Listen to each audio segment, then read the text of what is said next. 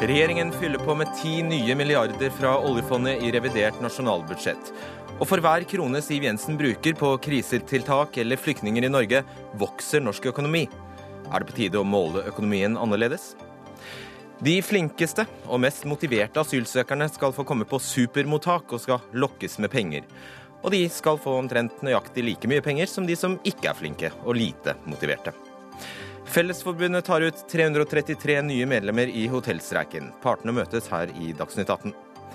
Og når 10 000 norske videregående elever demonstrerer, demonstrerer de for å kunne være mer borte fra skolen. Eller var det fordi regjeringen har gjort noe skikkelig dumt?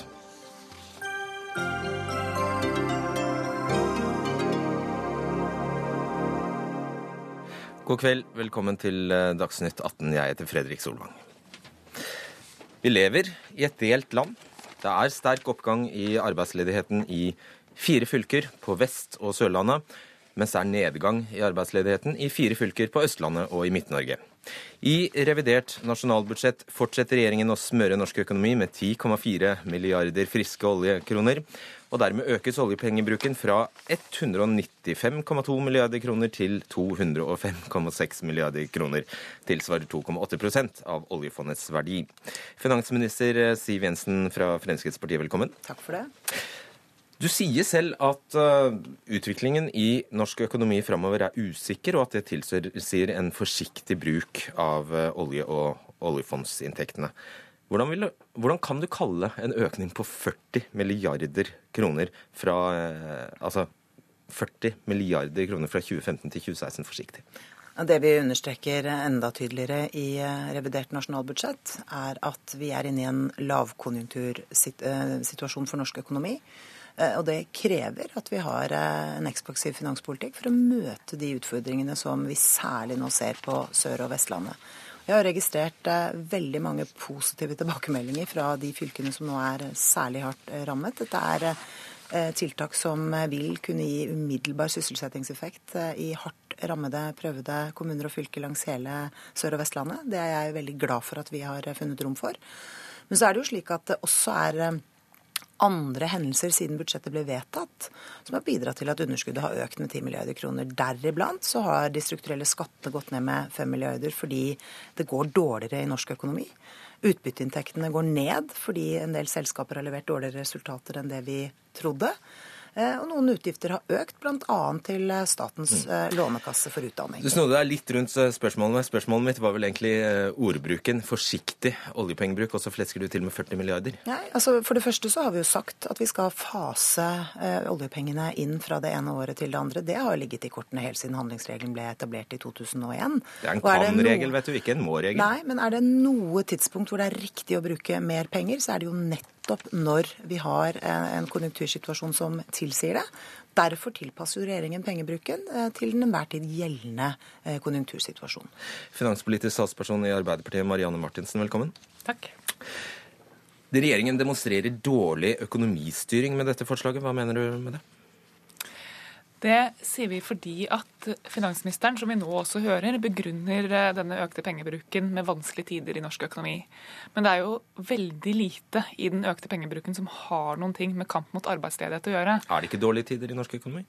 Det går trått. Det er vanskelige tider i noen deler av landet. Og så har vi andre deler av landet hvor, som programlederen selv påpekte, at det går bedre. Og Noe av det som er bekymringsfullt når vi får en så høy overordna pengebruk, det er jo at man begynner å sette kronekursen i spill. Vi ser allerede at, at økonomer begynner å spå om effekter på renta. Og, og, noe av hovedårsaken, den viktigste årsaken til at vi ser at det går bedre i enkelte fylker, det er jo at vi har bedrifter som lever godt på denne kronekursgevinsten. Og det er den man setter i spill ved å legge seg på en så høy oljepengebruk, ikke bare i dette reviderte budsjettet, men gjennomgående siden regjeringa tiltrådte. Må ikke dere snart begynne å bestemme dere? Den ene dagen krever dere av regjeringen at de skal bruke ordet krise. Og den neste dagen bruker de, når de faktisk iverksetter tiltak mot det dere mener er en krise, da er det også feil. Ja, det er krise på, på Sør-Vestlandet, og vi mener at det bør brukes mer penger retta inn mot den regionen. Hvor skal de pengene komme fra, da? Det er snakk om en prioritering. Det som er Hovedproblemet her er jo at vi reviderer et budsjett som ble lagt fram i oktober, hvor de virkelig store pengene gikk til skattekutt, som regjeringa kaller for vekstfremmende. Men vi ser jo nå resultatet av det, hvor eh, vekstanslagene er, er, nærmest halvert, og hvor det som faktisk vokser, antall ledige og oljeavhengigheten i økonomien. Man kunne jeg... ha prioritert annerledes. Okay, ja. Vi la fram et budsjett hvor vi både økte satsinga på målretta tiltak mot Sør-Vestlandet, som skulle bidra til aktivitet, samtidig som vi hadde kontroll på den overordna pengebruken. Og det var fordi dere ikke kuttet skattene? ja. Blant annet. ikke bare det. De skjerpet skattene med 10 milliarder kroner i sitt alternative forslag, og det ville jo ikke vært noe bidrag i den situasjonen norsk økonomi er i nå. Men nå merker meg jo at Arbeiderpartiet endrer retorikk igjen. Eh, før eh, vi la frem revidert budsjett, så kalte de dette en nasjonal krise. Nå sier Marianne Martinsen det statsministeren og jeg har sagt hele tiden, nemlig at det er en krisesituasjon på Sør- og Vestlandet ja, som vi må møte. Ja. Eh, svar på det. Det er en krise på Sør-Vestlandet. Så det er ikke en nasjonal krise? Og så, har, og så har min partileder Jonas Gahr Støre sagt at han ønsker å bo i et land hvor noens krise er alles krise. Det betyr at vi må ta et nasjonalt ansvar for denne krisesituasjonen som har oppstått på Sør-Vestlandet. En regional krise med nasjonalt ansvar? Ja, absolutt. Og det betyr okay. at vi gjennom budsjettpolitikken tar ansvar, målretter pengebruken dit, enten det er snakk om mer penger til kommunen. En regional krise med nasjonalt ansvar, Ja, og det er jo akkurat derfor vi gjennom nasjonalbudsjettet styrker innsatsen mot denne regionen med nesten 1 milliard kroner på toppen av et allerede ekspansivt budsjett. Men la meg også si det at det er, to, to det er jo, La meg korrigere det bildet. For de prøver å skape et inntrykk av at de store pengene blir brukt på helt andre ting. Det er feil. 86 av det økte handlingsrommet har altså gått til økte investeringer i infrastruktur, til forskning, til utdanning osv. Så videre. sånn at de store pengene har vi brukt på målrettede investeringer. Men vi har også gjennomført skattereduksjoner fordi det er ja. riktig og nødvendig, og fordi det er noe av det næringslivet etterspør aller, aller mest. Og det har vi også hørt før. Ja. Men kjensgjerningen er at vi nå opererer med 50 millioner kroner om dagen mindre i skatteinntekter til staten som et resultat av de prioriteringene som ble gjort i budsjettet i høst. Og Det er penger og, og dere vil ta fra bedriftene? Ja, nei, ja, nei, ikke la oss ikke fortsette. Ikke fra bedriftene. Men, men tingen er, men fra vanlige at, folk og pensjonister, da? Eller? er at Når Siv Jensen presenterer eksempelvis 250 millioner kroner til kommuner på Vestlandet, så er vi veldig for det. Men det er fem dager med skattekutt. Disse pengene kunne ha vært brukt langt mer effektivt hvis ja, finansministeren faktisk greit. hadde hatt kamp mot ledighet øverst på sin dagsorden. Siv Jensen står det at samlet vekst i sysselsetting fra 2015 til 2016 er skarve 0,2 mm. Vet du hvor mye av denne uhyre lille veksten som faktisk kommer i privat sektor? Det er i hvert fall sånn at når vi møter en eh, lavkonjunktur, så må vi gjennom ekspansive budsjetter styrke de offentlige utgiftene. Det mm. er et eh, svært treffsikkert verktøy. Kan du svare på spørsmålet? Jo, nei, men, men altså, Jeg skjønner ikke helt hva det er du lurer på. fordi vi er inne i en situasjon hvor veksten i norsk økonomi er betydelig lavere. Det møter vi gjennom ja. Eh, økte eh, offentlige det, utgifter. Det jeg eh, lurer på, er hvordan du kan legge opp et budsjett der den veksten utelukkende kommer i offentlig sektor. Altså disse, denne økningen i sysselsettingen kommer utelukkende pga. flere ansatte i stat og kommune. 1,6% Det betyr at det er negativ jobbvekst i det private? Altså Fra 2014 til 2015 så kom halvparten av sysselsettingsveksten i privat sektor. Så er det helt riktig at når vi er inne i en lavkonjunktur og øker de offentlige utgiftene, så får det den konsekvensen. Når det, det god Frp-politikk? Det er sånn eh, disse mekanismene fungerer. Det var sånn det var under finanskrisen, det var sånn det var tilbake i 2003, og det er sånn det nødvendigvis må være når vi øker de offentlige utgiftene. Det er det jo ingen forskjell på dere? Jo, fordi det virkemidlet som treffer privat sektor aller, aller best, det er de to tingene som regjeringen blir honorert med fra norsk industri. Det ene er at vi har kraftig styrket den næringsrettede forskningen. Det andre er at vi helt systematisk og gjennomgående har redusert skattene, som Arbeiderpartiet kritiserer oss for. Det er altså tiltak vi er nødt til å iverksette hvis vi skal stimulere til at flere bedrifter blir født i privat sektor, at flere arbeidsplasser skapes i privat sektor. Jeg mener at vi må få veksten i privat sektor opp. Og det er nettopp derfor vi har iverksatt alle de strukturreformene. Selv om jobbene kommer i det offentlige? Nei. Ja, det er grunnen, det som skjer. Ja. Det er jo midlertidig. Grunnen okay, midlertidig. til at vi Ja, har igangsatt Ja. alle disse strukturtiltakene, er jo nettopp for å få veksten opp i økonomien, slik at vi kan styrke, eh, styrke leveransen i privat sektor. Martinsen, du ser jo nå at den eh, impulsen som da er beskrevet i dette statsbudsjettet på 1,1% ja, det gir altså en sysselsettingsvekst utelukkende i det offentlige. Dere vil ha mer av det. Dermed større offentlig sektor, færre jobber i det private. Vi vil både gjøre tiltak som stimulerer privat sektor, men også ruste offentlig sektor for store oppgaver i framtida. Det som er forskjellen på vårt alternative budsjett og det Siv Jensen legger fram, er at det er bedre balanse mellom inntektene og utgiftene, sånn at vi ikke skyver en regning bekymringsløst foran oss til kommende generasjoner. Det har Siv Jensen gjort helt siden den dagen hun tiltrådte. Og det må jo være utrolig flaut for en finansminister fra en borgerlig regjering å se på at utgiftsveksten øker, at byråkratiet øker, at man ikke makter å prioritere og få utgiftssida ned i takt med at man reduserer Det må være inntekter. sånn, sier hun. Ja, hun sier at det må være sånn, men, men det, er, det er en ærlig sak å ha skattekutt på sin agenda og gå til valg på det. Eh, Men da ville det jo også være rimelig å forvente at man tar konsekvensene av det og kutter i utgiftssida. Det gjør man ikke. Underskuddet øker år for år. Men Vi har aldri er- sett en innfasing ikke- av oljepenger i den takta som vi nå Men det er altså ikke riktig. Eh, Vi har iverksatt en lang rekke eh, omprioriteringer og kutt i offentlige budsjetter. Også forslag som har fått kraftig motbør, ikke minst fra, ikke har. Du minst kutter fra ikke i offentlig sektor, Siv Jensen. Du, vi har lagt frem flere forslag for Stortinget som også Arbeiderpartiet har vært med på å stemme ned, som ville gitt eh, færre ansatte i offentlig... Jo, men poenget er jo at mange bekker små gir en stor okay, og da ja. må altså Stortinget være villig til å være med på de forslagene vi legger frem, som gradvis over tid vil bidra til at vi effektiviserer offentlig sektor. Litt Det er Litt- utrolig viktig å gjennomføre. litt, litt annet tema. Altså, dere bruker 1,3 milliarder mer på flyktningene, altså på, på bosetting hovedsakelig. For hver eneste krone du bruker på flyktningene, eh, som, da, som jeg regner med du egentlig mener er rene utgifter, så vokser BNP i dette landet. Så det ser, ser på papiret ut som økonomien vokser. Kan du forklare det? Det er jo sånn at eh, vi fikk eh, en stor tilstrømming med asylsøkere og flyktninger til Norge i fjor.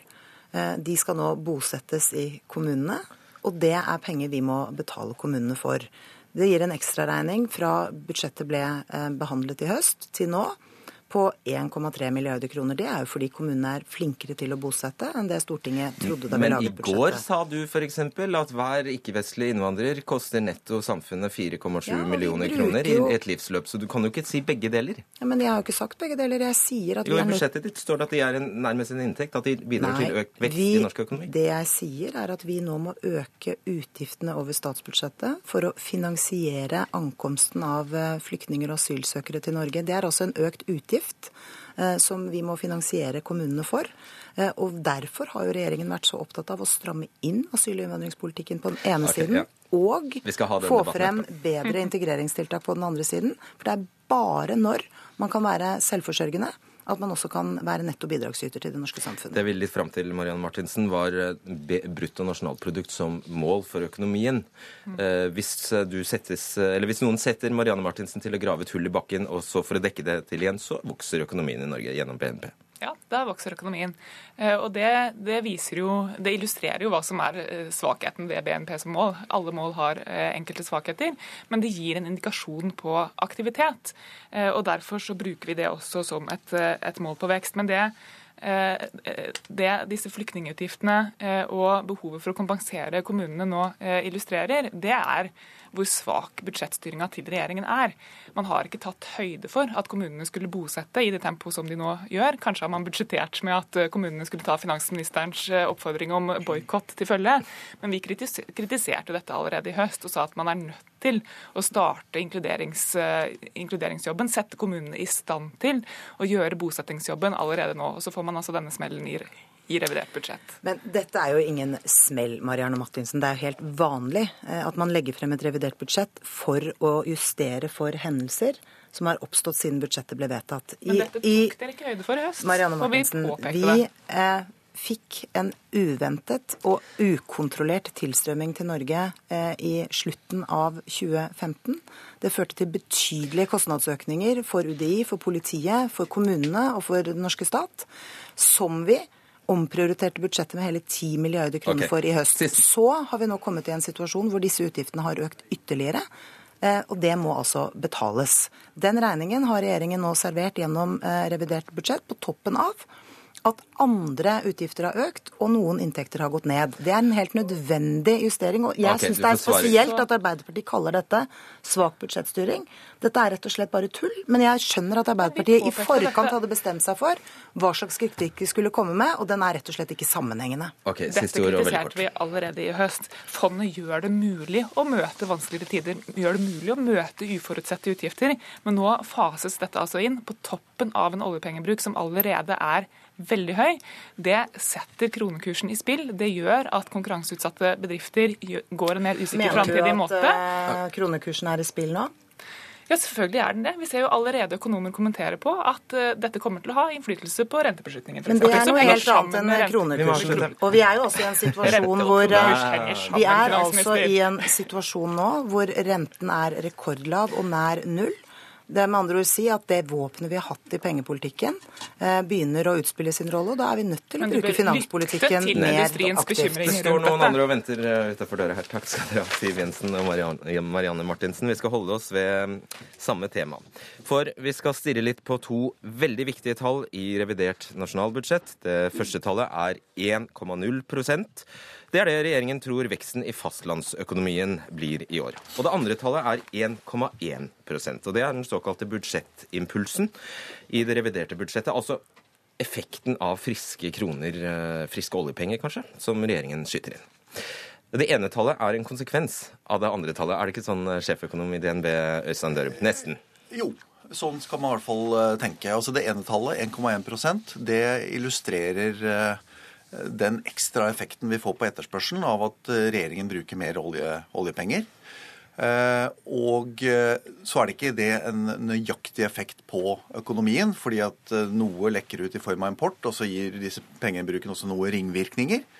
Men når økonomien vokser med 1% og regjeringen pumper inn 1,1% så betyr det at brorparten av den veksten vi har, kommer fra økt oljepengebruk. Med andre ord, det ser egentlig mye verre ut. Ja, i deler av, deler av næringslivet, deler av privat sektor, så ser det selvfølgelig atskillig verre ut. Men som eh, de forrige debattantene var innom, eh, så er, dette veldig, så er det veldig store regionale forskjeller i Norge nå. Men vi har altså reelt sett nullvekst, kanskje minusvekst i Norge. Ja, hvis vi ikke hadde hatt eh, olje, den økte oljepengebruken, så kunne vi godt ha sett minustall. Kan det være enda verre enn det, Elisabeth Holvik, sjeføkonom i Sparebank1? Ja, altså Det som eh, jeg har eh, tenkt å skrive litt om i det siste, det er jo hvordan vi beregner vekst. Og eh, det er jo slik at når en da pusser opp eller bruker penger på å reparere ting som har blitt ødelagt, så vokser økonomien. Eh, Hvis du ser på hvordan en måler vekst i offentlig sektor, som har vært den sektoren i Norge som har økt raskest i de siste ja, 15-20 årene, så er jo det at en bruker For en ikke produserer noe der, så lager en en alternativ måte å beregne vekst i offentlig sektor på, som kort fortalt er lønnsvekst. Så når lønningen øker i offentlig sektor, så øker produksjonen i offentlig sektor, og så øker BNP. Hva er ferdig med det? Altså, det, jeg tror vi må begynne å tenke litt mer kritisk på hva er som er god vekst. Og det som vi trenger nå når oljesektoren faller, altså det blir en mindre del av økonomien fremover, og vi skal omstille oss, så er det vi trenger, det er jo eksportbedrifter som kan skaffe eh, valutainntekter til nasjonen. Cash inn til Norge. Ja, for det meste av det vi produserer nå, det er jo produsert i andre land. Og skal vi ha råd til å importere det, så må vi eh, ha valutainntekter. For, eh, og det er jo den effekten vi ser nå. Når kronekursen svekker seg kraftig, så blir det dyrere å importere. Og vi får mindre verdt for, som nasjon. Eh, Og jeg prøvde jo å få, eh, få de som satt i studio her til å, til å si noen ord om det. Det var ikke helt enkelt, Dørum. Men det er jo altså slik at når flyktningeutgiftene i Norge øker, eller hvis Siv Jensen setter i gang en storstilt oppussing av skoler, så, øker, så, så vokser norsk økonomi, som Holvik er, eh, Holvik er inne på her. Eh, bør, vi med, bør vi finne en annen indikator? Bør vi gjøre noe med det? Det er jo det er en metadiskusjon som jeg ikke var helt, eh, helt forberedt på. Det er klart at sant, når vi, når vi omsetter, altså Det vi gjør her, er jo at vi først omsetter olje i bakken til penger i banken, og så omsetter vi penger i banken til etterspørsel. Bl.a. etterspørsel til å, bosette flyktninger. Og Det skaper jo arbeidsplasser, og det skaper vekst. Så kan vi selvfølgelig si at så lenge vi da omsetter ikke-fornybar formue, olje i bakken, til arbeidsplasser i Norge, så er det selvfølgelig begrenset hvor lenge vi kan holde på med, med det. Og det er jo noe av det underliggende poenget når man ser på disse dokumentene som legges fram nå, at nå har man en, en opptrapping av pengebruken som ikke kan fortsette uten at man må begynne å gjøre innhugg eh, i oljefondet. Og det tidspunktet for innhugg i oljefondet, det rykker nærmere og nærmere. Jeg sier hvor nært det faktisk er nå. Et enkelt regnestykke er jo at med, med regjeringens egne anslag, hvis man fortsetter med, med opptrapping av oljepengebruken i samme tempo som man har gjort de siste tre årene, 2014 til 2016, så vil man nå det punktet i 2020. Om tre år. Eh, og, og, og, det er jo slik at Den diskusjonen har vi også hatt før. Eh, den hadde vi i forbindelse med finanskrisen, da man brukte atskillig mer enn 4 %-regelen. Men da var vi i den spesielle lykksalige situasjonen at Kina hjalp oss ut av elendigheten fordi Kina stimulerte veksten tok seg opp, oljeprisen tok seg opp. Det kommer ikke til å skje denne gangen. Og vi har jo brukt opp veldig mye av virkemidlene. Renta er så lav som den kan bli, nesten. Vi har hatt en veldig hjelp fra eh, svak kronekurs. Og nå bruker vi altså veldig veldig mye penger over statsbudsjettet. Og da er det veldig viktig at en tenker gjennom at de, eh, de, de pengene som en da bruker av vår sparekonto, skal hjelpe oss til å ruste oss for en mye dårligere framtid. Med eldrebølgen og med eller jeg skal ikke si eldrebølgen, med at vi lever lenger og eh, blir friske eh, eldre, så trenger vi mye mer eh, inntekter til staten. Og Det gapet vil øke og øke framover. Og da burde en vært mye mer eh, bevisst på at de pengene en i dag bruker på krisetiltak, går til å skape nye arbeidsplasser. Men vi så jo, det var jo så interessant, for vi ser, jo her en finansminister fra Fremskrittspartiet som sier at sånn må det være. Jeg kan ikke gjøre noe annet, sier hun. Er det da noen forskjell på Har politikerne fundamentalt forskjellige løsninger, eller er det egentlig bare dosering av samme medisin? Altså, De forsøkte jo iherdig å få til en, eh, skattereform, men de må jo ha flertall i Stortinget for det. Og Det er jo utfordringen i dag, at eh, de må ha med seg noen flere enn bare de to regjeringspartiene. Hvis en hadde fått til en eh, bredere skatteforlik der en fikk unntatt arbeidende kapital, så tror jeg det hadde vært et veldig viktig stimuli for norske eiere til å heller putte pengene i å skape arbeidsplasser eh, og investere i den omstillinga vi trenger, heller enn å putte det i eiendom eller flytte det ut av landet. Jeg vil jo bare kort legge til det at det er jo egentlig så er det jo et sunnhetstegn at eh, de politiske løsningene finnes et eller annet sted i et, et bredt, eh, bredt, flertall. For hvis du har brede flertall bak løsningene, så blir de også mer bestandige. Og da blir også politikken mer forutsigbar. Men et utslag av det er jo, som vi ser av statistikken her, at eh, den eneste veksten i sysselsettingen vi faktisk har, er i stat og kommune. Og så sier du at det kommer jo ganske snart et punkt der vi må slutte med det. Så det blir en eller annen regjeringslodd å faktisk si opp offentlige ansatte. Det, ansatte. det er det som må skje. Ja, altså nå er jo dette her delvis også et organisatorisk eh, spørsmål. Altså Du kan ha offentlig betalte tjenester og likevel private eh, leveranser. Ja, Da settes det ut på anbud, da. Ja, for, for, for eksempel. Men, men det som, som, er åpenbart, er jo at med den aldringen som man står overfor, så blir det en viktig offentlig oppgave å levere offentlige tjenester, enten i privat regi eller i offentlig regi, så effektivt som mulig. For å kunne holde skattetrykket nede, og eller levere best mulig tjenester. Mm. Alle prognoser i nasjonalbudsjettet og statsbudsjettet viser at vi kommer til å få en kjempeutfordring med statsfinansene om bare kort tid. Så vi må forberede oss nå på at det blir økt egenbetaling, høyere skatter, lavere velferdsytelser. Altså det, er, det skal utrolig mye til før ikke vi må stramme inn livreima om kun kort tid. Inviterer man to økonomer i studio, så blir det en veldig sånn trist, trist altså. Det blir så grusomt trist. For det, det er jo det, det er en del langsiktige, fundamentale endringer. Lavere oljepris, nedgang i etterspørselen fra oljevirksomheten, lavere vekst rundt oss, aldring her hjemme etter 15 veldig gode år, gullalderen, så er det mye som tyder på at vi må venne oss til, og det handler også litt om hva slags oljepengebruk man legger opp til, venne oss til at vi seiler inn i atskillig smulere farvann framover, med mye lavere vekst i inntekter og forbruk. Men det er kjempebra at dere begynner nå å differensiere mellom sysselsetting i offentlig og privat sektor. Det er viktig at en ser på de trendene også, og ikke bare totalen. For bare, det kamuflerer mye av ja, virkeligheten. Apropos kamuflering, bare jeg tar det siste spørsmål. Altså, det er jo sånn at Selv Siv Jensen vet jo ikke uh, nøyaktig hvor eh, veksten kommer. Altså Hun vet ikke, altså hun vet grovt sett stat og kommune, og så vet hun privat sektor. Men hun vet f.eks. ikke alle, alle, en helsebedrift som bare lever av stat, eh, offentlige penger da, gjennom anbud, f.eks. Der inntektene utelukkende kommer fra, eh, fra det offentlige. Willoch til som en privat bedrift. Ja. Eller NRK, som, Eller NRK, for som er definert som privat sektor. Det, er det noe problem? Er det et problem? Jeg syns det er et problem, fordi det kamuflerer, eh, kan kamuflere hvor eh, stor offentlig sektor egentlig er hvis vi tror at det som er finansiert over statsbudsjettet, er privat sektor. Selv om de leverer tjenester og sånn, så er det, det er en del av det store offentlige. Eh, men, men ja. kjernen er at man har eh, langsiktig bærekraft i statsfinansene. At man har penger til å holde det, holde det, gående. Og da må en ha trygge arbeidsplasser, og en må investere i Norge. Hør, hør, politikere. Ja. Takk. Takk skal dere ha, økonomer Øystein Dørum og Elisabeth Hollvik. Dagsnytt 18 alle hverdager klokka 18.00 på NRK P2 og NRK2.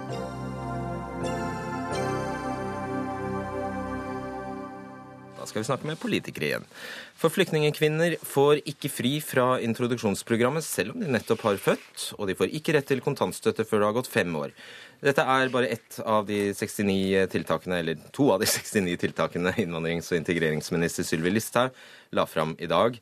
Fra mottak til arbeidsliv en effektiv integreringspolitikk, het eh, meldingen. Hanne Iversen, du er statssekretær for Frp i, og møter i Listhaugs sted. Velkommen hit. Hvorfor skal, for å ta dette her, eh, hvorfor skal flyktningkvinner eh, behandles annerledes enn norske kvinner? Det er fordi at vi over lang tid har sett et stort problem med å integrere innvandrerkvinner 100% Vi ser at arbeidsdeltakelsen blant eh, innvandrerkvinner er på tett over 50% altså langt lavere enn for eh, resten av befolkninga. Og vi vet også at mødres integrering er viktig for barna og deres prosess inn i det norske samfunnet. Så da skal en universell ordning som, eh, som kontantstøtten gjøres diskriminerende? Det er det dere vil? Vi anser det ikke som diskriminerende, vi anser det faktisk som å fremme eh, likestilling. Fordi at vi gir dem muligheten til å integreres i det norske samfunnet. En universell for alle andre enn innvandrerkvinner, da. okay. Une Aina Bastholm, nasjonal talsperson for Miljøpartiet De Grønne. Velkommen hit. Takk for det. Du hevder integreringsministeren undergraver integreringen, faktisk, med disse 69 tiltakene. Hvordan får du det til? Jeg mener det, For å ta meldinga som sådan først, da, så syns jeg jo den bærer overordna litt preg av frykt. Kanskje integreringsministerens egen frykt for flyktningene. Eh, Istedenfor å satse på tiltakene som vi vet fungerer, som å få ned eh, saksbehandlingstida i UDI, sånn at det ikke blir lang ventetid, eh, gi de midlertidig arbeidstillatelse i asylmottak, eh, gi dem mulighet til å ja, komme seg ut i arbeid tidlig. Det står jo ikke frykt foran noen av disse 69 forslagene? da. Nei, men eh, det er noe med denne tvangstankegangen som gjennomsyrer egentlig veldig mange av forslagene. Som er det motsatte av det man egentlig vet fungerer. og Begynner man å se litt på hva norske kommuner gjør, eh, de som lykkes, så er jo det i stor grad å ha en individuell språkopplæring og yrkesretting i språkopplæringa som er basert på tillit, for det motiverer. Hvilket nettopp er de tiltakene som fremmes i meldinga, hvor man leser frykt ut av dette, forstår ikke. Eh, statsråden har sjøl på lanseringa i dag sagt at dette er ressurspersoner. Det er det vi skal se dem som. Eh, nettopp derfor Okay. Vil, vil, vil, la oss være litt mer spesifikke. Altså, det ble kjent, eh, det kom som en lekkasje, at dere vil opprette eh, det som blir kalt kan man kalle det supermottak. Integreringsmottak. Integreringsmottak, Men der skal det bare være plass til 500 mennesker av 20 000 eller noe sånt. Noe. Hvem er det som skal få sitte på disse gullforgylte mottakene? Sånn, vi starter opp fire til fem mottak i løpet av høsten 2016, hvor det vil være ca. 500 plasser. Okay. Det er ikke meninga at man stopper der, men det er det vi ser at vi klarer å gjøre i løpet av dette året. Hva er ideen da? Eh, ideen er at for de som har fått opphold i Norge, men enda ikke fått en bosettingsplass ute i en kommune, så skal de starte sitt introduksjonsprogram her. Og vi ønsker i tillegg å integrere de som har høy sannsynlighet for å få opphold i Norge. Vi vet at med enkelte landbakgrunner så vil du få en oppholdstillatelse i Norge. Og da kan de også starte integreringsprosessen tidligere. Men dette er jo noe som burde gjelde absolutt alle asylsøkere? Med... Det er ikke absolutt alle asylsøkere som får bli i Norge. Enkelte nei, nei, men alle som får bli. Vi ønsker å bruke ressursene på de som får bli. Og dette gjelder jo alle som får bli. Det er jo det som er tanken. Men vi starter da med fire til fem mottak og 500 plasser. fordi at det er det vi har kapasitet til å klare i 2016. Ja, og så har Listhaug sagt at det skal finnes lite, en liten økonomisk gulrot der. Fordi det skal, ja, fordi det skal avsettes 20% av integreringsstønaden. Altså den skal man holde tilbake. Er det sånn forstått? Man trenger ikke å holde den tilbake. Integreringstilskuddet er langt mer enn bare den stønaden som hver enkelt får.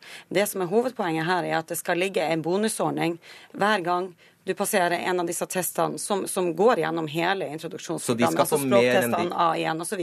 Ok, bare for å avklare det. De skal få mer, de skal kunne sitte igjen med mer enn de som havner på et ordinært mottak? Det kan være en av ordningene som prøves ut. Leser man hele meldinga, så vil du se at de første fire mottakene skal også prøve ut forskjellige ordninger. Okay. Det er jo en spennende idé for de 500 det gjelder. Eh, problemet er jo at det sitter nå 16 000 asylsøkere og venter på å få en kommune og venter på å få asylsøknaden sin avklart. Og noe av grunnen til det er jo at regjeringa er mer opptatt av å bruke ressurser på de få, og også på returer nå de siste månedene, enn på å få behandla unna asylsøkere. De må jo begynne. Og det er oppskrift nummer én på ikke å få til integrering. Nei, men, folk, ja, men problemet er at nå blir folk sittende og vente veldig lenge på mottak og miste motivasjon. Og det her er noe som alle egentlig er enige om at er den dårligste måten å få til integrering på. fordi Det hjelper ikke at du bruker 1,3 milliarder mer på kommunene hvis folk allerede har mista motivasjonen før de kommer ut okay, dit. Allerede der eh, starta vi i eh, budsjettet for inneværende år med å øke saksbehandlingskapasiteten i UDI. Vi er nettopp ferdig med det første opplæringsløpet, og, og, og saksbehandlingstida er gått ned. Saksbehandlingskapasiteten har økt. Det er ytterligere økt nå i dag ved revidert eh, nasjonalbudsjett. Så den er allerede svart ut. Så en annen lekkasje. Dere har vært flinke til, til å lekke. En annen lekkasje som kom før meldinga, var at eh, flyktninger skal kunne lage mat til skolebarn. Et eksempel på én måte å gjennomføre arbeidspraksis på. Noen kommuner gjør dette allerede eh, og lykkes i det. Andre kommuner bruker eh, arbeidspraksis i andre ting. Eksempelvis min egen hjemkommune, Harstad, eh, bruker sykehjem som arbeidspraksis mm. for de som går gjennom introduksjonsprogrammet. Frp har plutselig blitt for gratis skolemat? Det er ingen som har sagt at dette skal være gratis. Statsråden har nevnt abonnementsordning. Og jeg som mor til fire ville glatt ha benytta meg av den. Går det dårlig idé? Jeg tror at Det viktigste er at eh, folk får mulighet tidlig til å bidra, uansett om det er lønna eller ikke. Så aktivitet er alltid bra. Eh, og vi er jo veldig glad i frivillighet ellers i Norge, og regjeringa er jo i hvert fall glad i det. De var jo veldig tydelig på det og mener frivilligheten er en bærebjelke i Norge, sa Erna Solberg i 2014. Så at vi også eh, lar asylsøkere få lov til å bidra frivillig, tror jeg er kjempelurt. Mm. Problemet er jo mer at det vil være litt varierende fra kommune til kommune hva som fungerer, og man bør være opptatt av hva slags arbeidsplasser som finnes i den kommunen, og finne yrkesretting og praksis avhengig av hvor det er arbeidsplasser i etterkant. I pressemeldingen deres så kritiserer dere at man har kuttet, at regjeringen kutter 800 millioner i bevilgningene til mottaks apparatet. Du er klar over årsaken til at de gjør det? Ja, jeg er klar over den årsaken. og De mener jo at det er fordi at eh, flyktningstrømmen eh, avtar nå. Men er det noe vi har lært de siste månedene, så er jo det at for det første, det kan fort endre seg. Og for det andre så er det jo der vi vet at løftet må gjøres. Eh, spesielt når vi, det er veldig mange som sitter og venter på mottak, og vi vet det kommer til å være en del måneder til. Så det burde heller stå tomme plasser, da? Ja, det her er jo en revidert uh, nasjonalbudsjett. Uh, og hele poenget med det er jo å tilpasse det til det som er situasjonen. Og nå er det kjempemange som sitter og venter på mottak uh, og trenger et tilbud der, også for å komme i aktivitet, som regjeringa nå totalt overser. Regjeringa har da bevilga ganske mye i aktivitetsstøtte, bl.a. til frivillige organisasjoner, eh, for å få aktivitet inn i mottakene. I integreringsmeldinga nå så legges det frem enda flere tiltak for å få aktivitet i mottakene og en meningsfylt hverdag for de som er der. For det er klart, ingen er tjent med at disse går passive og blir demotivert, spesielt ikke de som vil få opphold i Norge. Så det er allerede svart ut. At det kommer færre til Norge akkurat nå, er jo faktisk en effekt. Og det er jo derfor du har revidert nasjonalbudsjett. Du, du skal spore effektene i løpet av de første månedene i året, og så skal du revidere Ja, vi budsjettet vet hva revidert deretter. budsjett er. Ja. Og det her regjeringa er i ordentlig knipe, ikke sant? for de ønsker jo å unngå at flyktninger kommer til Norge. Det sier eh, integreringsministeren sjøl, at det er det viktigste integreringstiltaket å unngå at det kommer for mange, sier man. Og så undergraver man med det hele FNs flyktningkonvensjon, men det gjør jo også at man gjør det mer utrivelig. Nå er det vel et utrivelig. helt storting unntatt SV og Miljøpartiet De Grønne som ønsker mindre tilstrømming. Ja, og, men det gjør jo i hvert fall at det blir mye mer eh, vanskelig å være flyktning i Norge. Og er det noe som vi vet fungerer, så er det det å ta vare på motivasjonen til folk. Eh, Men bare, bare et, spørsmål til, til, til. Altså, er det sånn å forstå at eh, fordi du ikke kan innføre et tiltak for absolutt alle, så burde du heller la være? Nei, jeg tror jo at en del av løsninga i integreringspolitikken er nettopp å kunne ha masse forskjellige tilbud, Ja, for det høres nesten sånn ut at du er. mener at eh, til, du kritiserer tiltakene for å være utilstrekkelige og ikke fange mange nok. Men så er det kanskje ikke noe gærent i selve tiltakene. De bare favner, favner ikke mange nok. Ja, det, Man bruker jo pengene her mye i kommunene, ikke sant? men nå, nå er hovedproblemet at veldig mange blir sittende og vente lenge for der, og der kutter man 800 000 eh, nå i revidert nasjonalbudsjett. Og det vil si at det er veldig mange Millioner, mennesker. mener Eh, ja, 800 millioner. Og Det betyr at det er 16 000 asylsøkere nå som sitter og venter og får dårligere tilbud enn før. Hva mener dere, hva mener, hva mener dere Iversen, med at dere skal iverksette tiltak for å motvirke kulturelle og religiøse praksiser som kan hindre barn og unge i å delta i ulike aktiviteter på skolen og i fritiden? Hva betyr det? Vi ser jo eh, at en del av barn som kommer til Norge, er oppdratt i, med en annen kulturell og religiøs bakgrunn, og som kan virke eh, være med på å lage utenforskap for enkelte av disse i eh, skolehverdagen. Og Da er det viktig at vi allerede på et tidlig tidspunkt veileder foreldrene i hvordan det er å oppdra barn i Norge. Vi går nå inn eh, med veiledningskurs i mottak allerede. eh, Og også i Ja, men Det ser jo på som et eget timene. punkt. Jeg lurer på hva dette i praksis betyr. Betyr det s- svømmeundervisning? Det betyr at, eh, at vi i skoleverket skal, eh, skal eh, ha gode samtaler med foreldrene i første omgang. Det Tiltak, betyr ikke et forbud, ja, tiltak. At man skal gjennomføre foreldreveiledning i skolen. Hijabforbud? Nei, det Nei, betyr ikke tiltak et for å forbud. motvirke kulturelle og religiøse praksiser. Tiltak for å hindre effekten av kulturelle og religiøse Nei, det står ikke. praksiser. Nei, det står ikke det. Men det som er betydninga, er at vi ønsker å fortelle foreldrene at ved å la dine barn f.eks. gå med, med hijab, som er det eksempelet som oftest blir dratt opp, eh, så vil du kunne sette barnet ditt i et utenforskap. Ja, Men så går det ikke inn for hijabforbud, sier du jo. Nei, vi ønsker ikke å forby ting før vi Vi ønsker ikke å forby ting før vi må. Nei, så Da får jeg Eh, ikke helt grep om hva denne setningen betyr. Det var bare det. Hva det i praksis betyr, om det betyr svømmeundervisning, hijabforbud osv. osv. de Det betyr ikke forbud. Det betyr å veilede foreldrene til å forstå hvordan eh, vi oppdrar barn i Norge, hvordan man best glir inn i samfunnet eh, totalt sett, og hindre at barn blir satt utenfor. Det betyr også å snakke med andre barn om at noen Da var det mye mer ufarlig enn jeg mistenkte Ja. det kunne være. Ja, Veiledning, bare. Ok. Ja, og All informasjon eh, til eh, asylsøkere og andre nye som kommer til Norge, er jo kjempebra. Eh, problemet er jo bare at man kan ikke vente eh, på det før de kommer til kommunen. og Derfor er det veldig eh, synd nå at de kutter så mye i mottakene. Eh, Nettopp blant annet så burde man jo kartlagt i mottak. Ja, men også kartlegginga burde skje i mottak, ikke sant? for det er der du finner ut hva slags erfaring og kompetanse folk kommer med allerede. Og det burde skje før også eh, man plasserer innvandrerne Det er også allerede kommunen. starta med kompetansekartlegging i mottak. Dette er noe som var igangsatt allerede fra årsskiftet. Og eh, i disse dager, om ikke så altfor lenge, så vil du starte med digital, digital kartlegging av den enkelte eh, asylsøkers kompetanse. Ja, er som vil følge til dem den, hele den veien. appen, mener du? Den applikasjonen, mener du? Ja, den applikasjonen jobbes med i disse dager, og vil være klar om ikke så veldig lenge. Men allerede i dag så kartlegger vi kompetanse i mottak. Eh, og dette er, ønsker vi at skal følge asylsøkeren fra dag én gjennom hele, eh, hele asylkjeden, sånn at kommunene kan benytte seg av akkurat den samme informasjonen som vi får ved ankomst. Vi må sette strek der. Tusen takk skal dere ha, Hanne Iversen og Une Alne Bastholm. Velkommen til deg, Magnus Takvam. Takk. Det ble altså en del rabalder da Listhaug eh, kom med disse forslagene til innstramminger i eh, asylpolitikken i fjor høst, men ikke like mye bråk i dag.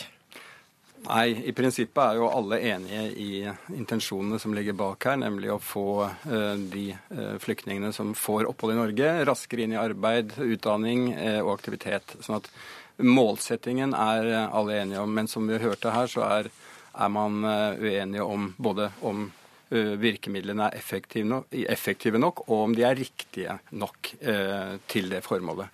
Og, og den debatten får vi. Mm. Er det mye symbolpolitikk blant disse 69 punktene? Det er det også, eh, og kanskje særlig litt i retorikken. Alle legger jo merke til at eh, Sylvi Listhaug eh, kommuniserer at man på en måte ikke skal sy puter under armene på, på, flyktningene. Og jeg har snakket med folk i, i, denne sektoren som reagerer på det. Fordi de sier liksom Det er ikke det er som om motivasjonen til den enkelte asylsøker er problemet eh, for å være aktiv og for å bli integrert. Mens det i øyeblikket, som dere også var inne på, jo ofte er en ørkesløs venting i asylmottak som er problemet, og det å få komme ut i samfunnet. Så jeg tror forutsetningen for å kunne få en effektiv og god integrering er at man som da statssekretæren også for så vidt prøvde å si, løser denne flaskehalsen. Man kan ikke forvente at folk som går i det uendelige i passivitet, liksom, eh, blir godt integrert. Mm. Eh, det er vel ett område kanskje som hadde nær sagt alltid skiller seg ut som vanskelig. Det er enslige mindreårige og asylsøkere, også, også denne gangen. Det er sant. Og eh, der har kommunene, som jo da øh, får eh, disse i, i mottak, eh, protestert på den økonomiske biten av det. Det er svært dyrt, særlig for de aller yngste av de enslige mindreårige, å drifte disse omsorgssentrene. Og Der det et, har det vært gjentatt et krav om at man må få tilnærmet full kompensasjon. Det har man ikke fått. Og Det man er redd for i kommunene nå, er at det regjeringen varsler, er at man skal vurdere å gå over til en såkalt stykkprisfinansiering. Og da frykter mange at man må ha såpass stort skal vi si, volum, antall enslige mindreårige asylsøkere, eh, for at det ikke skal bli en økonomisk belastning. slik at det er mange kommuner eh, redd for. Så det er et krevende tema som da regjeringen kommer tilbake til i budsjettet til høsten. Jeg må jo innrømme, Magnus, når jeg leser disse 69 eh, tiltakene, så er det ikke nødvendigvis harmoni med den, det Sylvi Listhaug fremhevet på pressekonferansen om krav og hvor viktigheten av at eh, man, av at man uh, yter før man kan nyte osv. osv. Fordi, som vi hørte eh, statssekretæren bekrefte her, det er ingen krav til Det er veldig få konkrete krav overfor hver enkelt innvandrer her. Til og med dette, den setningen 'sette i verk tiltak for å motvirke kulturelle og religiøse praksiser' er ikke et krav. Det er bare det var samtaler det dreide seg om. Ja, altså det, det, man kan sikkert diskutere innholdet i de, de punktene ut fra det du, du, spør om. Det er klart at For det første så er jo situasjonen at de som vi snakker om her, er de som har fått rett til opphold i Norge, som kvalifiserer for opphold og dermed eh, skal inn i det norske samfunnet. Så man må ha det i bakhodet når man diskuterer det på den måten. Men det er samtidig f.eks. Eh, ganske strenge punkter om uh, å, å, miste retten til statsborgerskap, f.eks. Dersom man begår en kriminell handling, så er det et av punktene at da kan man risikere å miste sitt statsborgerskap. Så det er absolutt på en måte sanksjoner her også i, i denne pakken. De får flertall? Det tror jeg, men det kan godt hende at man må justere noen av punktene. Men det tar jo utgangspunkt i, i det forliket som, som var i Stortinget. Takk skal du ha.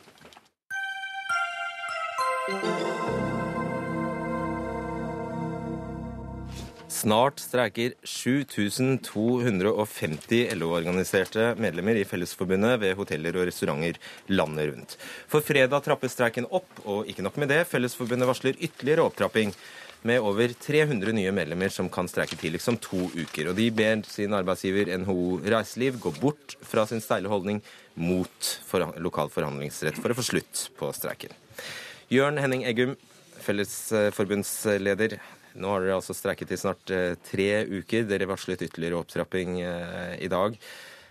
Ja, eh, hvor, skal dette, hvor, lenge skal, hvor lenge skal dere holde på? Nei, Vi holder på til vi får innfridd eh, de kravene som vi har stilt. Vi finner ikke ett eneste rasjonelt argument for at ikke vi skal få innfridd altså kravet vårt om lokale forhandlinger. Ikke ett? Ikke ett eneste rasjonelt argument. Jeg håper jeg kan få høre det nå, for så langt har jeg ikke fått, fått hørt et eneste rasjonelt argument for å ikke gjøre det. Mange irrasjonelle, kanskje? Ja, det, det har ikke vært argumenter engang. Det har bare vært sånn 'jeg vil ikke'. Oh, ja, da. ja, da er det ikke rart det blir streik. Nei. Nei. Jostein Hansen, direktør eh, arbeidslivspolitikk i NHO Reiseliv. Frøken vil ikke, det blir jo feil, men du, du vil bare ikke? Nei, det er nok ikke en riktig fremstilling, det. Eh, jeg er jo litt overrasket over dette med lokale forhandlinger. Eh, vi fremstilles jo nærmest som spedalske fordi vi ikke vil ha det. Og det er jo slik i, i norsk arbeidsliv at uh, i industrien er det vanlig med minstelønnsavtaler og lokale forhandlinger. I servicenæringen så er det vanlig med normallønnsavtaler og ikke lokale forhandlinger. Og det er jo i servicenæringen vi er. Mm. Og det er helt vanlig NHO-politikk å nekte lokale forhandlinger? Nei, jeg er ikke klar over hva du mener med det, men du sikter antageligvis til den forhandlingsposisjonen vi har. Og det NHO sier der, det er at de ønsker mest mulig av lønnsdannelsen på bedriftene, altså lokalt. Og det sier de fordi de mener at det skal det være for de som allerede har lokale lønnsforhandlinger. Hvorfor det? Jo, for de ønsker at det skal være mindre sentralt når man har lokale forhandlinger. Men hvorfor, hvorfor bare for de som har det allerede? Ja, hvorfor ikke? De andre får jo noe ekstra sentralt. Skjønner du nå hvorfor vi er i streik? altså, dette, du kan tenke deg vi som har mange bransjer i Fellesforbundet. Vi har til og med lokalforhandlinger på arbeidsmarkedsbedrifter. Vi har det på varig tilrettelagte arbeidsplasser. Dette her fungerer når folk sitter seg ned på sin arbeidsplass, ledelse og de ansatte. Så får du et godt miljø, du, du, fremmer produktivitet, og du fremmer samarbeid. Du fremmer respekt for hverandre. Det er det som er den norske modellen. Så sitter jeg og hører på NHO Reiseliv, som har meldt seg ut på mange måter ut av det, av det, tradisjonelle norske arbeidslivet og sier 'jeg vil ikke, jeg vil ikke', uten å ha hatt ett eneste rasjonelt argument.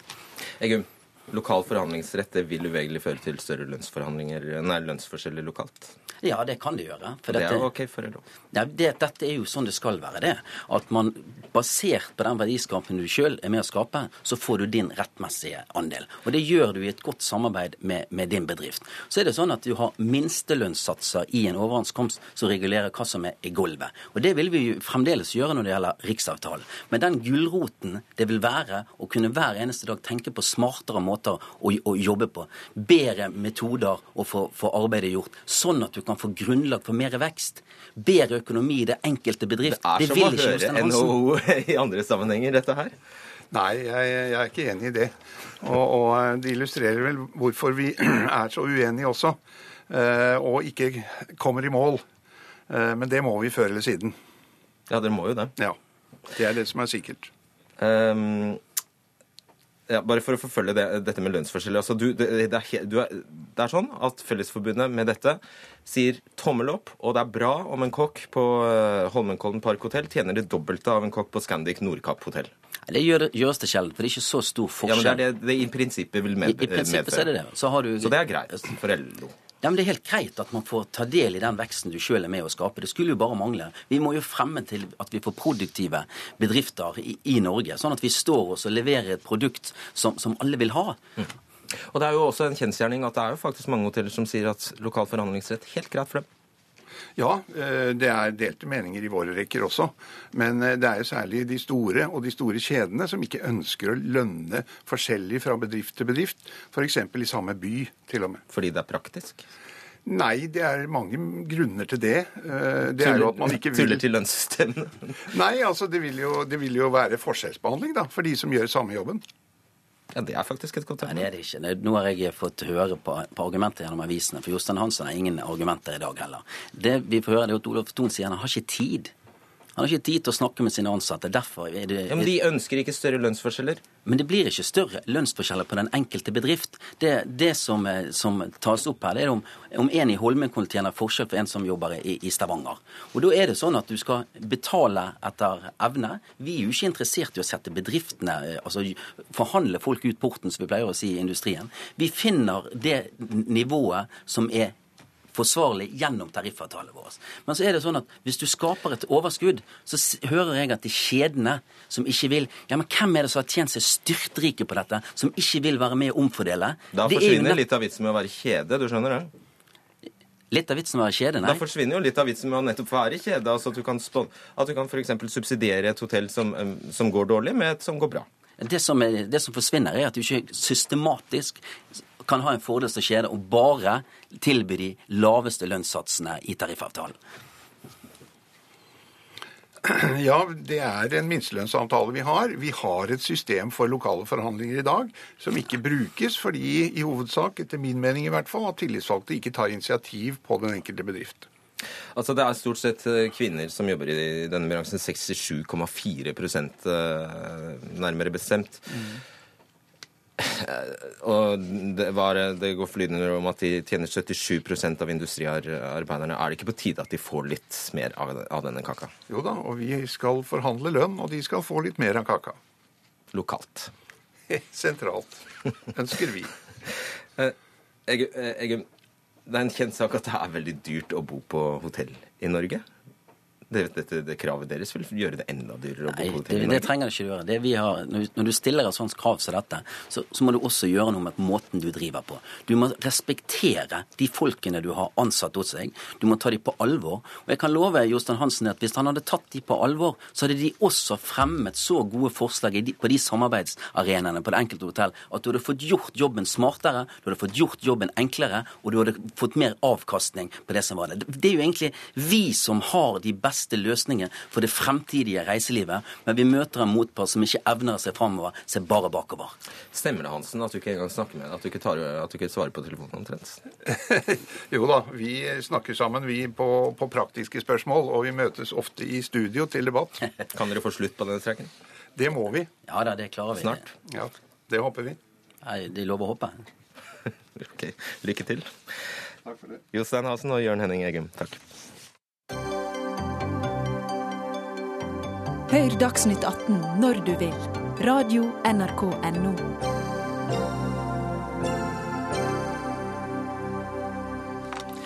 I flere fylker over hele landet sto mange skolepulter tomme i dag. For over 10 000 elever droppet undervisningen, og streiket mot nye fraværsregler i videregående skole. Regjeringen går inn for at dersom en elev har såkalt udokumentert fravær i mer enn 10% av timene i et fag, skal han eller hun i utgangspunktet ikke få halvårsundervisning med karakter eller standpunktkarakterer i faget. Reglene skal gjelde fra i høst, og nå er det duket for et politisk oppgjør om saken i Stortinget i juni. Johanne Akerø, du er leder i fylkeslaget i Oslo i Elevorganisasjonen. Ja, streik er vel ikke akkurat dokumentert fravær? Nei, det er absolutt ikke dokumentert fravær. Eh, men som en litt utsatt gruppe i samfunnet, så må vi som elevmasse vise oss. Vi, mange av oss har ikke stemmerett, og vi føler ikke at noe blir gjort med denne fraværsgrensa. Derfor tok vi til eh, gatene og valgte å streike i dag. Hva er det dere vil oppnå? Vi ønsker å forkaste fraværsgrensa. Eh, den blir innført til høsten, og det er en stortingsbehandling av denne saken som skjer i juni. Og forhåpentligvis så klarer partiene å få dette til å snu. Vi får sjekke. Nicholas Wilkinson, leder i Sosialistisk Ungdom. Det var dere som tok initiativ til å aksjonere mot eh, regjeringens nye regler for fravær i videregående. Og etter at regelen om 15 eh, fravær ble tatt vekk av den rød-grønne regjeringen. Så, altså I 2009 så har fraværet økt, og også frafallet i videregående skole. Så det du forskriver her, er feil medisin. Nei, det er det ikke. Det vi ser, er at uh, vi har fått en stor økning i psykiske plager blant ungdom. Det vet vi at uh, Den største grunnen, sier en NIFU-undersøkelse til at ungdom faller ut av skolen i dag, det er psykiske plager. Det gjelder én av fem. Fraværsgrensen hjelper jo ikke folk som har angstanfall eller sliter med psykiske plager. Men hva har det med fraværsgrensen å gjøre? Nei, altså, men det er tingen at Vi må spørre oss hva er grunnen til at elever har fravær fra, fra skolen i dag. Vi har fått en regjering som prøver å innføre tiltak som ingen av elevene vil ha, som veldig mange lærere sier at vi virker mot sin hensikt, og heller bli en frafallsfelle enn noe som hjelper mot fraværet. Kan du bare kan, opplyse oss, akkurat Akerø, bare kort. Hvordan er det i dag? Kan du ha 99,9% fravær, og det er greit? I dag så er det slik at uh, du kan ha ulegitimert fravær, eller det som kalles for udokumentert, fra, udokumentert fravær. Eh, læreren kan utvise skjønn når fravær skal føres. Eh, det vil si at eh, det er opp til læreren om hva som kommer til å stå på eh, vitnemålet ditt. Så du kan i praksis nesten ikke ha vært her. Nei, altså slik som det er nå, så, så ser vi jo at, um, at det er mye større frihet i, i det med fravær og fraværsføring for lærerens skyld. Og vi ser at det, kommer, det skaper en veldig god kontakt mellom elev og lærer. Og det syns vi i Elevorganisasjonen er veldig, veldig viktig. Nei, det er ikke noe nødvendigvis trynefaktor. Selvfølgelig blir det trynefaktor og sånt. Læreren som er eh, ute i felten hver eneste dag, tror jeg vet mye bedre hvem i klassen som skulker og ikke, enn Torbjørn Røe Isaksen. Trynefaktor. Nei, ikke nødvendigvis. Kent Gudmundsen, medlem i kirke-, utdannings- og forskningskomiteen fra Høyre. Eh, Det var sånn at statsråden ikke hadde anledning til å komme, men det hadde heldigvis eh, du. Og forklar oss, hva er det, det høres jo faktisk veldig logisk ut, det Wilkinson som sier her, at dere kommer ikke et økt fravær som kanskje skyldes komplekse, som har komplekse årsaker til livs, med en fraværsgrense. Jo, vi gjør faktisk det. Fordi eh, det veldig mange unnlater denne debatten å ta opp, er jo at det er en rekke eh, unntak i denne fraværsgrensa. Det er altså udokumentert. Og det er mulig å ha både kroniske sykdommer og andre utfordringer i livet sitt eh, og kunne levere egenmelding hvis du har det sammen med en erklæring fra en spesialist. Så eh, dette er det både mulig å få til i praksis, og jeg tror vi skal også se på at 10 %-grensa er ganske raus. Det er 190 eh, skoledager i året, og det tilsvarer jo altså 19 udokumenterte dager, i tillegg til alt det du kan dokumentere. Sånn Ok, at- bare, ja. ja, jeg greier ikke å se at dette vil bli et problem. Det sa ikke du noe om. Alt det han sa her, sa ikke du noe om i. Ja, men Det er fordi dette dessverre ikke stemmer. Altså Det er en statisk fraværsgrense på 10% Og det er riktig at hvis du har en lapp fra legen, så kan du få godkjent fraværet ditt. Men det er en grunn til at vi i dag ikke sender elever med influensa til legen, fordi vi vet at de blir friskere. Men det som nå vi står i fare for, fø- for skal skje, det er at du får en kø med influensasyke ungdommer til legekontoret for å få tilfredsstilt dokumentasjonskravet til Høyre. Alexander Wahl, som er kjendislege, bl.a. har vært på i NRK, har selv spurt hvorfor i all verden skal jeg bruke arbeidstiden min på dette istedenfor å hjelpe syke mennesker. Det er feil prioritering av midlene våre, og det er en grense som blir en frafallsfelle som verken elevene ønsker eller de fleste lærerne ønsker. Altså, vi snakker om dokumentert eh, fravær. og Da er det fullt mulig å bruke f.eks. de mange helsestasjonene som finnes rundt omkring nå. Nå har vi for øvrig styrka det med 750 millioner bare siden vi tiltrådte. Og Det er ingen tvil om at dette ville være fleksible og gode ordninger på. Så det må ikke en eh, lege til for å dokumentere dette fraværet? Det, det ja, du har altså helsestasjoner der du vil ha helsesøster vil kunne verifisere og dokumentere Det flyter jo over av helsesøstre overalt. det vet vi jo. Ja, vi har jo styrka det betydelig nå siden vi tiltrådte, og det er blitt ansatt flere hundre. Eh, Så eh, jeg er ganske optimistisk at dette skal vi greie å finne gode ordninger på. Eh, Og så tror jeg det er viktig å argumentere sterkt for at du må faktisk være til stede for at læreren skal kunne gi en god vurdering av deg. Ja, Det er jo faktisk et veldig godt poeng. Hva slags faglig grunnlag skal læreren kunne ha hvis det faktisk i praksis kan fungere slik at du knapt trenger å være der? Men da tenker jeg egentlig eh, litt på det, det som blir sagt her, at eh, det er jo faktisk mange elever som ikke kan dokumentere fraværet sitt. Eh, Det kan være på grunnlag av sorg eller mobbing, eller rett og slett bare at man er veldig demotivert. Eh, Og jeg tenker, Hva har Høyre tenkt å gjøre med disse? Det er jo de som er en av de svakeste gruppene i skolen. Men gjelder det virkelig de fleste? Det er jo veldig mange mennesker som sliter med udiagnoserte vansker eller eh, sliter med mobbing. Det er veldig store grupper i, eller blant elevmassen som ser at dette kommer til å bli et veldig stort problem. Men, du Men må jo faktisk innrette, lage, et, lage et regelverk som tar høyde for de tilfellene hun snakker om. Ja, og det syns jeg vi gjør. Eh, 10 udokumentert fravær er altså 19 eh, dager. Det er ganske formidabelt. Det er langt utover det som er egenmeldingrensinga i det private næringsliv. hvis du er kronisk depressiv. Da er det Jo, men da har du igjen en eh, kronisk eh, sykdom som gjør at du har en erklæring, og da er det unntatt. Sånn at eh, her tror jeg man egentlig roter til debatten. Det er altså en ganske fleksibel ordning som eh, vil ta hensyn til veldig, veldig mange av de tilfellene som her eh, drøftes. Hvilken sånn, altså, det er litt av en ting å streike for, det å kunne være mer borte fra skolen? Ja, Det er veldig spesielt. Nå har jo elevmassen i Norge reist seg til felles kamp. Det har ikke skjedd på veldig veldig mange år. Og de har ikke sittet hjemme. De har møtt opp foran rådhus i hele Norge for å demonstrere for det de mener er rett. Så må vi si en ting veldig klart. Alle mener at elever skal være til stede på skolen. Hvis du ikke er til stede, så kan du ikke lære, og du kan ikke få vurdering. Så uenigheten er jo ikke på det. Uenigheten er hvordan kan vi sikre at flere elever er til stede på skolen?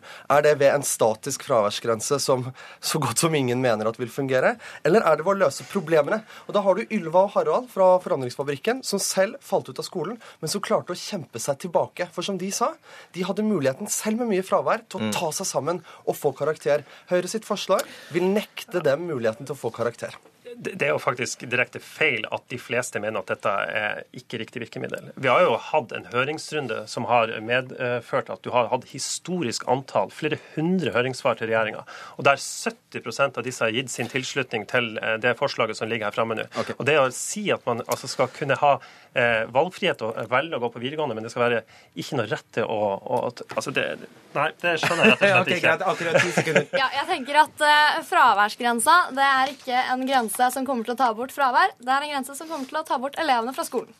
Takk skal dere ha, Ken Gunvundsen, Nicholas Wilkinson og, og eh, Johanne Akerø. Dagsnytt 18 er over for i dag. I morgen kan du faktisk se oss fra Riks i Bergen. Vi oppfordrer alle som kan til å komme dit da. Det var Dag Dørum som eh, var ansvarlig for sendingen. Erik Sandbråten satt i teknikken, og jeg heter Fredrik Solvang.